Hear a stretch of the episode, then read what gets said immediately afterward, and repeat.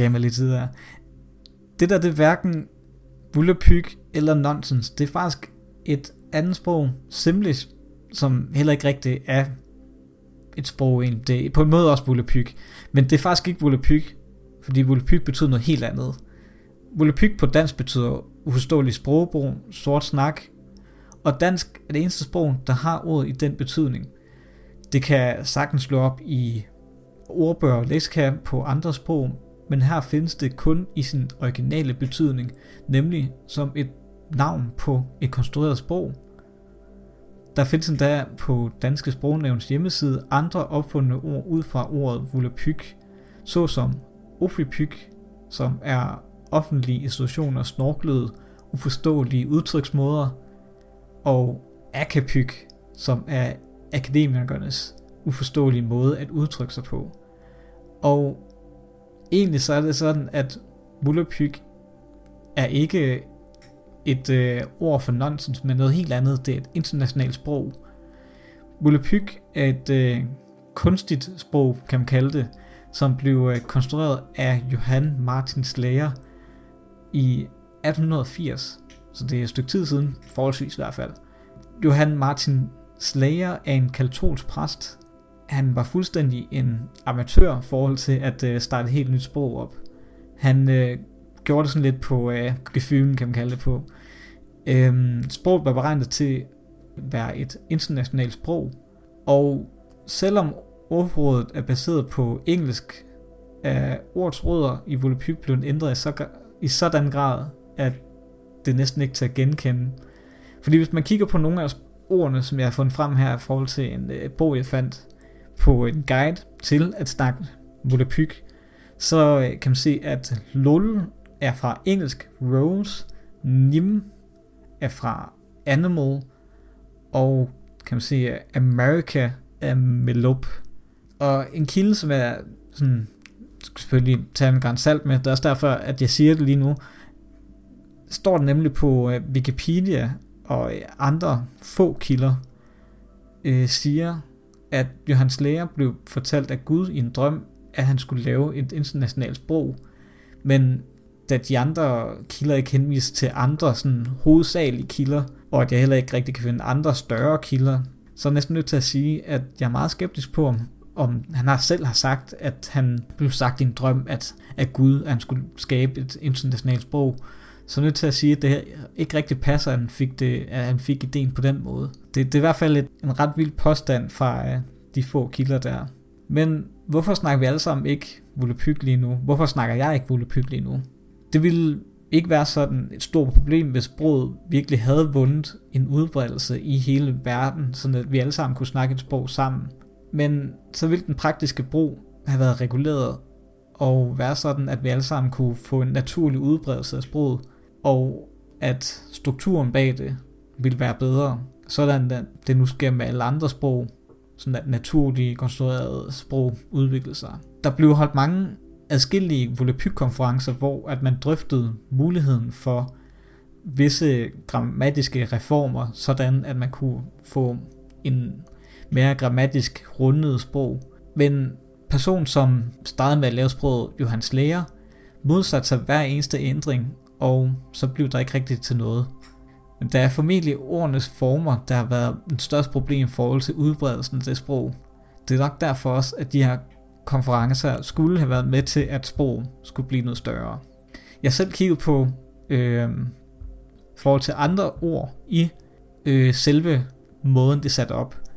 Nogle af bøjningsdelene virker ret naturlige, hvis man nu siger ord i nogle flertal, såsom øh, bim, som er træ, bims, træer, kopanel, kammerat og kopanels kammerater.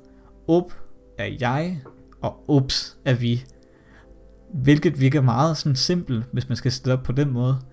Men for de fleste vil det nok have det ret svært ved, hvordan tidsbøjningen virker i volapyk, hvor volapyk bare lyder som volapyk. Jeg selv svært ved at se, hvordan de skal virke, og hvordan man udtaler dem rigtigt. Så vi skal ikke, øh, hvis nogen, der snakker vulpyk her, så, så skal I ikke komme efter mig. Le fond er at elske.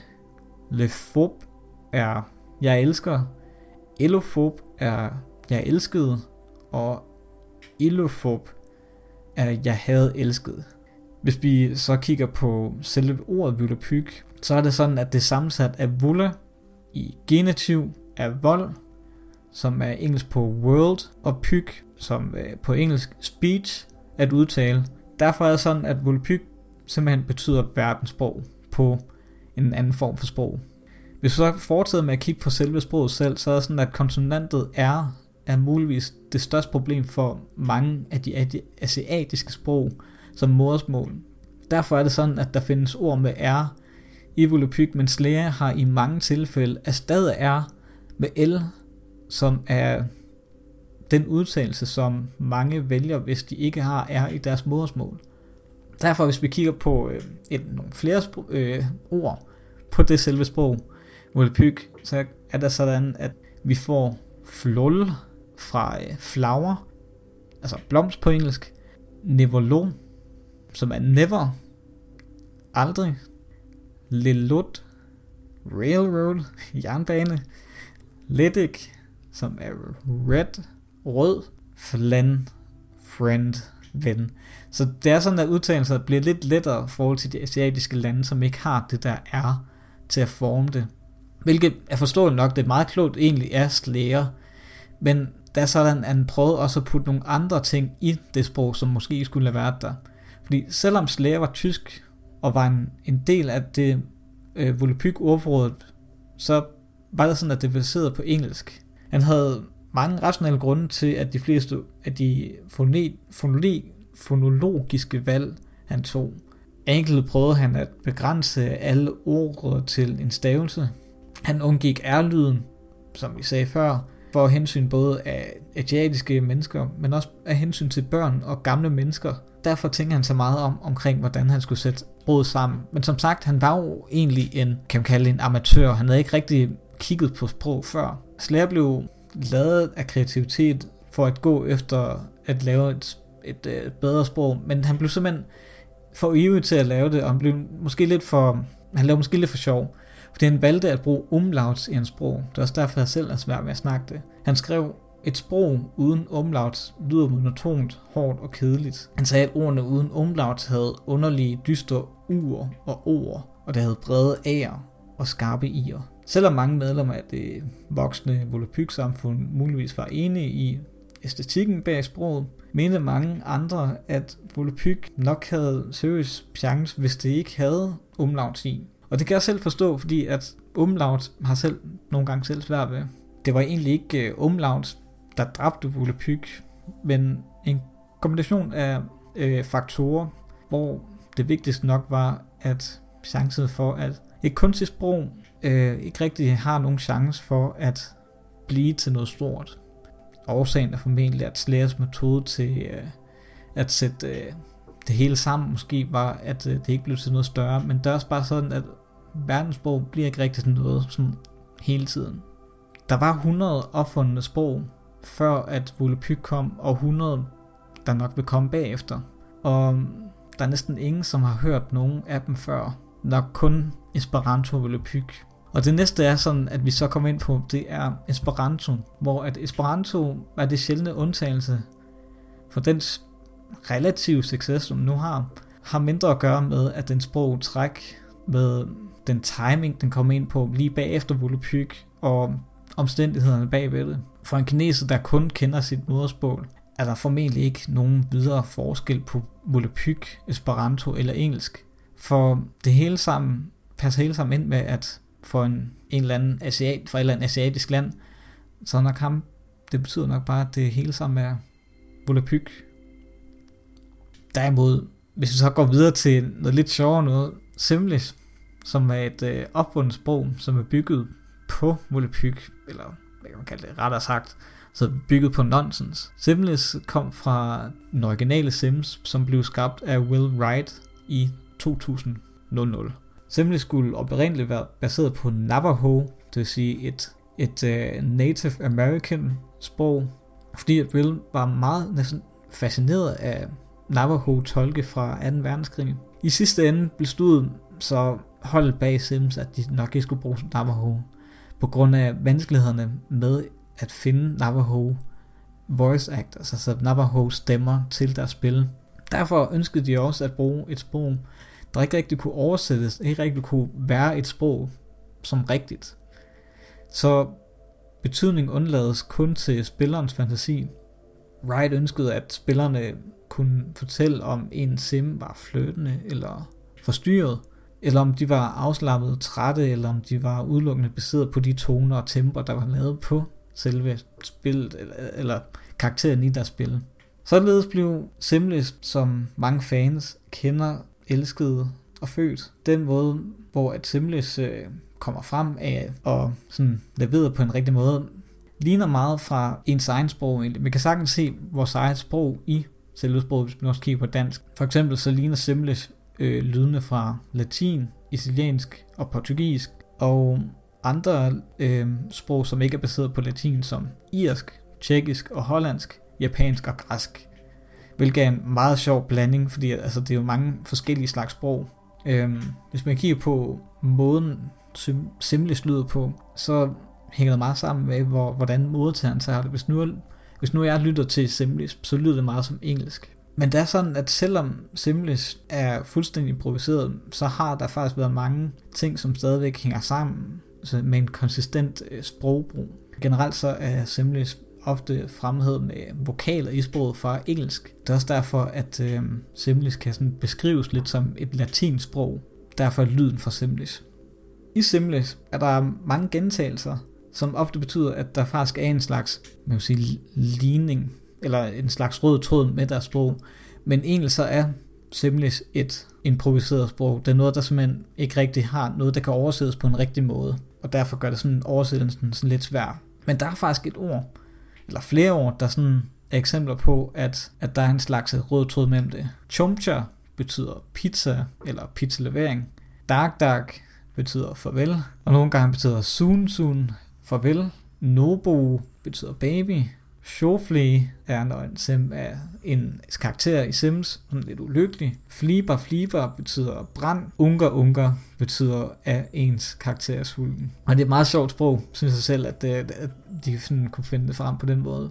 Hvis vi går videre til det før nævnte sprog, øh, som overhovedet ikke er volapyk eller simlis, så er det, at Esperanto er de mest talte internationale konstruerede sprog. Det blev opfundet af en polsk øjenlæge, Schamenhof, som øh, lige blev lavet efter øh, Volapyk i 1887. Hans første bog udgav han på russisk med detaljer om sproget, hvor at øh, navnet var Unør Libre, som betød første bog, hvor at Schamenhof kaldte sig selv for Dr. Esperanto. Hvis vi oversætter ordet Esperanto til engelsk, så betyder det en, der håber. Det første øh, Esperanto-magasin øh, kom ud i 1889, som øh, var begyndelsen på et øh, formelt organisation, som så senere hen af blev sådan rigtig formelt startet i 1893. Sammenhof håbede på, at øh, ved at skabe et øh, sprog til internationale lande overalt i verden, at det ville bidrage til en årsag til en international forståelse og verdensfred. Han havde simpelthen en drøm om, at der skulle være verdensfred i hele verden. Men desværre var det sådan, med hans sproglige færdigheder udviklede han og testede øh, sit nye sprog ved at oversætte et stort antal værker for at øh, sætte det hele sammen. Så han, det han lavede var det gamle testamente, Hamlet, og han fik også nogle af de danske eventyr med fra H.C. Andersen. Og det kan ses, at der er blevet op til lavet fra 10.000 til 2 millioner øh, udgivelser af forskellige slags sprog, eller forskellige slags bøger på Esperanto. Og det er alligevel ret mange. Men starten af Esperanto var ikke sådan glad for særlig mange. Mest fordi, at Hitler var ikke særlig stor fan af Esperanto. I øh, Hitlers bog Mein Kampf nævnte Adolf Hitler specifikt Esperanto som et eksempel på et sprog, som jøderne brugte i en sammensværgelse når de opnåede herredømmelse. Altså de jøde, altså jødiske folk. Mange folk, som snakkede Esperanto, blev dræbt under en holocaust, hvor at især Schammerhofs familie blev udpeget for at blive dræbt. Esperanto blev forbudt i Nazi-Tyskland i 1935 i Nazi-Tyskland. Det var øh, en ret syg tid i forhold til, hvis altså, et sprog kunne være på den måde. Hvilket også er den magt, som jeg tænker også er bag sproget. For første gang, når folk hører Esperanto, så lyder det som om, at det er et uh, italiensk eller et, eller et spansk sprog. Selvom at det er sandt, at det har et europæisk oprindelse for sin ordforråd, så gør Esperanto vanskeligere for, at et, et asiatiske lande for eksempel har svært ved det. Men der findes personer fra i Kina og Japan, som rent faktisk har let ved at snakke Esperanto, bestemt forhold til, hvis folk snakker engelsk. Årsagen til, at, øh, at der bruges omfattende forbindelser og kan man kalde det for derivater, hvis betydning har øh, stemmer for de morfemer, er sat sammen med, som ikke kan, kan ændres. Det er sådan, at karstikken bag et øh, sprog som det her er blandt de tyrkiske, som er sat sammen på den måde. Øhm, engelsk hører til et øh, bøjningssprog, hvor roden af et øh, ord ikke er uforanderlig. Som en øh, foot, feet, swim, swam, swam. Mens at Esperanto er på en helt anden måde. Det er sådan, at det er lidt lettere ved at lave flertal eller bøjningsformer i tiden på en anden måde. Der har været vanskelige øh, indvendinger mod Esperanto gennem årene. Der har været et eksempel på, at der har været kritik, at Esperanto ikke er neutral nok, men også at det skal formidle en bestemt kultur, hvilket vil gøre det mindre neutralt. Esperanto ikke øh, trækker på et bredt udvalg af verdenssprog, men også at det skulle være mere anlagt til de vestlige europæiske lande. Så altså, medmindre du kender mindst to eller tre europæiske sprog, så ville Esperanto klart indeholde mange unødvendige, komplicerede og akavede funktioner. Derfor er det sådan, at jo mere, altså jo flere europæiske sprog du taler, jo lettere har du ved at snakke øhm, Esperanto. Det lyder sådan lidt på navnet selv, at Esperanto er en form for øh, sådan spansk ord næsten. Det er også derfor, at noget jeg ikke forstår var, at på et tidspunkt var det sådan, i Japan prøvede de at bruge Esperanto som et sprog, at de skulle lære. Hvilket var et ret vildt forsøg. Desværre blev det ikke rigtig noget. Det stoppede i, jeg tror det var 1980'erne, at de prøvede det, og så sluttede det ret kort efter.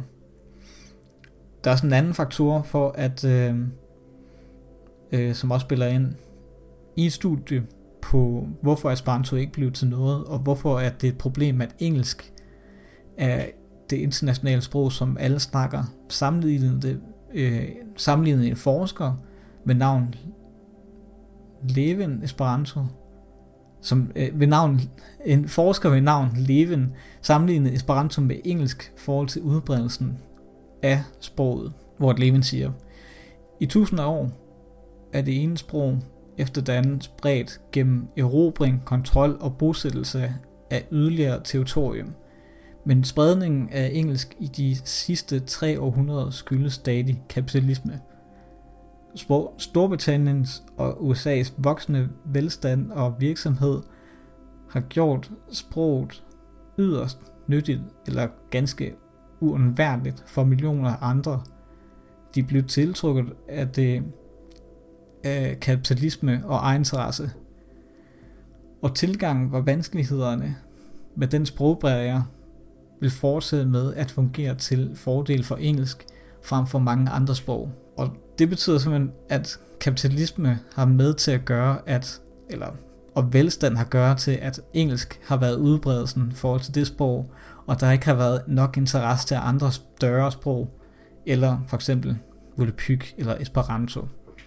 Så der er simpelthen ikke nok mennesker, som snakker eller prøver på at lære Esperanto til, at det kan bruges til at markedsføre med. Hvilket er grunden til, at sproget ikke rigtig er stærkt nok til at være et verdenssprog.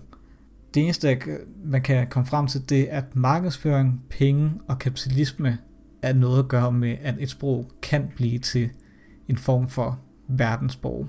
Øhm, det engelske sprogs rolle som et internationalt lingua franca hvilket vil sige et lingua franca er et, et fælles sprog, som er en slags kommunikation mellem mennesker, og anvendes især som et fremmedsprog for begge parter til at snakke sammen. For eksempel engelsk et lingua franca i de fleste af det videnskabelige miljø. Engelsk har sådan, at det har midlertidigt været mødt med alvorlig kritik fra mange sprogforskere, hvor at spredningen af engelsk ser en form for noget, vi kalder for hegemonisk kontrol. Det vil sige et stærk kontrol, som er blevet overtaget med. Og at, at øh, det er blevet kaldt for sproglig imperialisme. Øhm, noget som øh, Philipson og Kangas har skrevet i 1986 og 1992 i nogle af deres bøger. Øhm, hvor de kaldte det for, at øh, de simpelthen kvalte det engelske sprog af lokale sprog, især i øh, Afrika og i Asien, hvor at engelsk er blevet til et øh, mere sprog i de lokale form for øhm, kan man sige, kolonier, som engelsk overtog. Hvilket er ret vildt. Altså, kan man sige, at hvis det ikke har fortsat på den måde, så vil der være flere sprog, der er lige nu. Og at det kan ende med, at, at der igen kommer et andet lingua franca, altså et andet sprog, som alle vil snakke.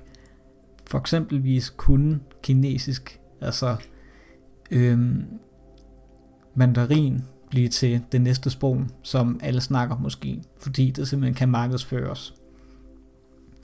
Engelsk øh, blev spredt over hele verden i en vid udstrækning af resultatet af britisk og amerikansk imperiets opbygning, erobring og kolonisering, som jeg sagde sidst. Og der er sådan for nylig, at den amerikanske dominans af international politik, erhvervsliv og medier er blevet til derfor, at amerikansk er blevet mere det sprog, end engelsk er blevet overtaget. Som et etnisk sprog kom engelsk i rolle i hverken gennem konsensus eller et populært valg, hvilket resulterede i en ulighed mellem naturlige sprog og forskelsbehandling af mindretalssprog, hvilket betyder sådan, at sproget bare kom frem ud af det blå, at det bare blev erobret på den måde.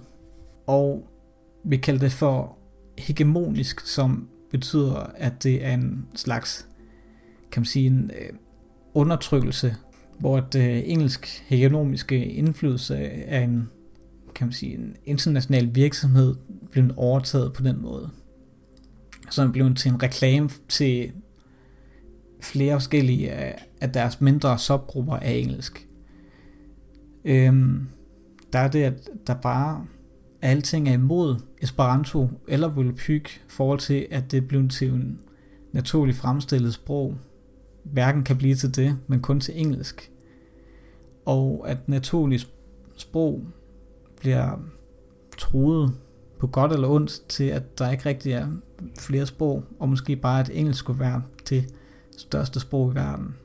Men hvad så med at opfinde nye sprog for sig selv? Hvordan gør vi det, og hvad for nogle sprog man kan finde på at lave? Det er noget, man kalder for constructed languages, eller også som kaldt for cornlangs på en anden måde.